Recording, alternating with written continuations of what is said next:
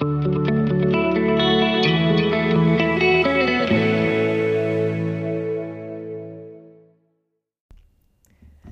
podcast is één grote reis in perfectionisme. Überhaupt content maken, denk ik wel. Maar deze podcast nog het meest.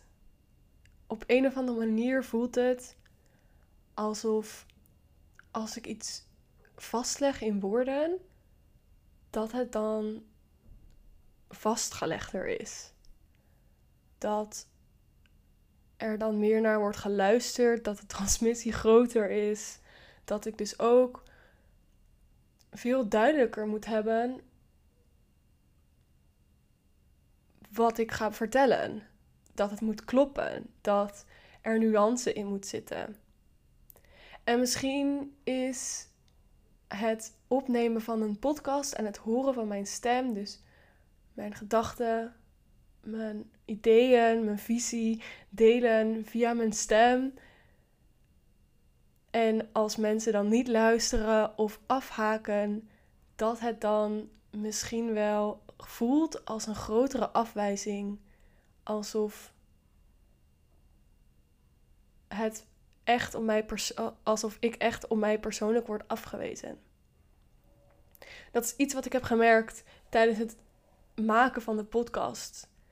Terwijl ik wel echt voel dat woord iets is waar ik heel goed kan overbrengen wat ik voel, wat ik denk, uh, mijn ideeën. En ik denk dat heel veel mensen daar heel veel aan kunnen hebben. En schrijven is iets wat ik heel fijn vind. Het zichtbaar zijn. Um, heb ik heel veel moeite mee gehad in het begin. Het duurde heel lang en ik begon eerst op een heel klein Instagram-account, omdat ik bang was voor de meningen van mensen om me heen. Maar nu voelt dat niet meer zo. Maar er is altijd nog iets in mij wat ervoor zorgt dat ik niet volledig kan komen opdagen hoe ik ben. En dat klinkt misschien heel heftig. En als ik dat zo zeg, dan, ja, dan verbaast het me ook eigenlijk best wel dat ik dat zo zeg. Mm, omdat het wel echt voelt alsof ik mezelf ben. Maar ik merk dat als ik wat schrijf, als ik wat schrijf is het minder dus. Maar wel als ik wat inspreek, als ik een video opneem, dat ik voor mijn gevoel bepaalde vereisten heb waar het aan moet voldoen. En dat is goed, dat is denk ik een groot onderdeel van mijn wetenschappelijke brein wat kritisch denkt. En ik ben er heel erg dankbaar voor. Maar het zorgt dus ook voor dat soms als ik een idee heb of een inspiratie, dat ik het niet zomaar whoosh, erop kan gooien. En dat vind ik soms best wel jammer, want het blokkeert. Ik denk dat je het vast wel herkent als je dit luistert. Dat als je de lat te hoog legt, dat je dan blokkeert. Dat is iets wat vaak gebeurt met perfectionisme. Ik zou niet per se zeggen dat ik een perfectionist ben. Deze hele reis van ondernemen en mijn business zelf opzetten is echt een grote fuck you naar perfectionisme. Als dat your way to go is, dan is dat jouw way to go. Maar voor mezelf heb ik echt gemerkt dat als ik alles perfect wil doen, dat er nooit iets uit mijn handen komt. Er komt nooit voortgang.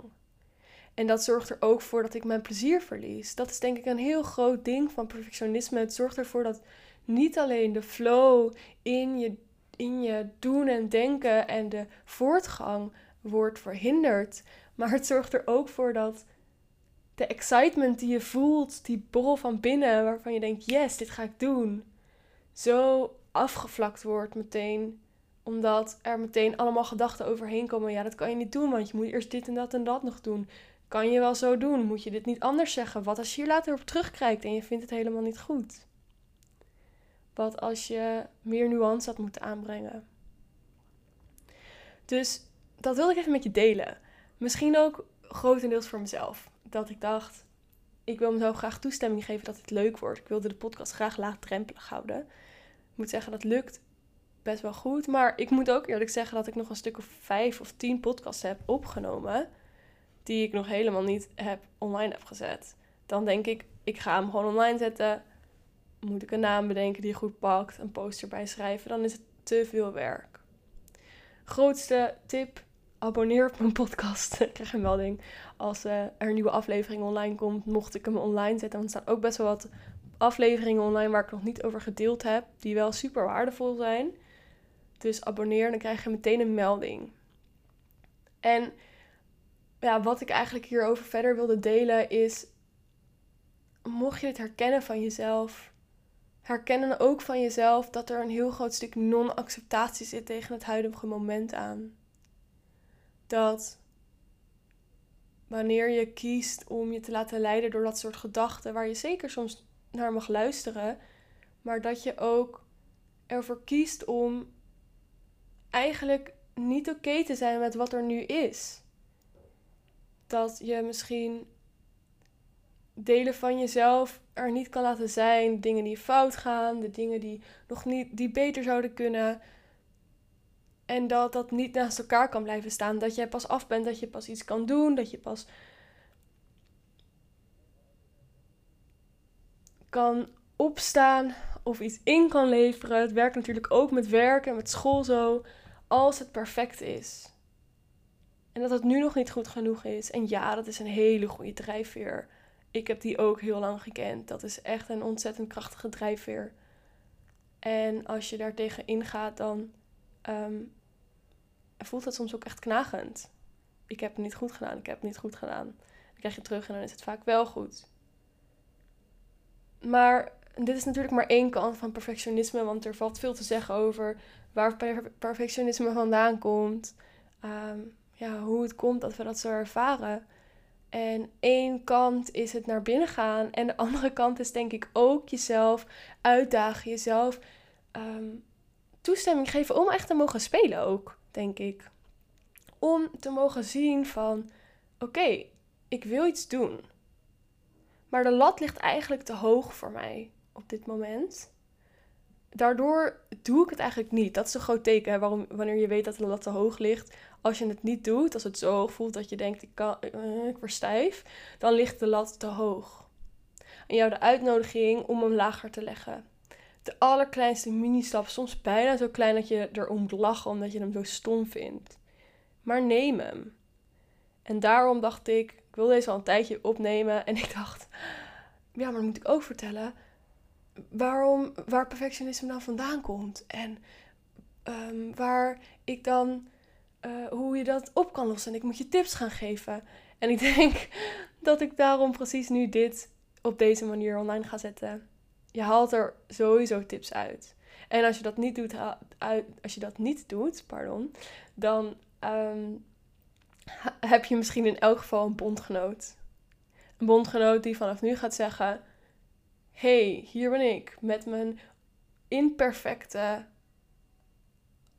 brein en ideeën, maar wel met ideeën en met een visie en met enthousiasme en met het weten dat als, het, als je maar één ding eruit haalt, al luister je niet, maar heb je wel even je hoofd uitgezet of je haalt er honderd dingen uit, dan is mijn werk gedaan. En dat is iets waar je natuurlijk constant opnieuw mag doen. Hoi, hier ben ik met al mijn rotzooi. Maar hier ben ik alsnog. Hier ben ik, ook al vind ik mijn rotzooi niet leuk, ook al vind ik mezelf nog niet goed nu, maar ik ben er alsnog. En ik kom opdagen en dit is wie ik ben op dit moment. En ja, het kan beter, maar dit is wie ik ben. Dat kan naast elkaar bestaan. Ehm, ja, dat denk ik dat deze podcast voor mij wordt. Het is een uitlaatklep voor mij en een manier voor jou om mij te leren kennen en de manier waarop ik werk te leren kennen. En je hebt er ook echt heel veel aan. Dat weet ik zeker en dat krijg ik heel veel terug van mensen. En een uitnodiging voor jou om net als ik een middelvinger op te steken tegen perfectionisme op dit moment. Vandaag wil ik je uitnodigen om één ding te doen waarvan je dacht: nee, het is nog niet goed genoeg, het is nog niet af. Ik vind het spannend wat mensen denken. En doe het. En als het te groot voelt, maak het kleiner. Maak het kleiner en zet die stap. Net als ik.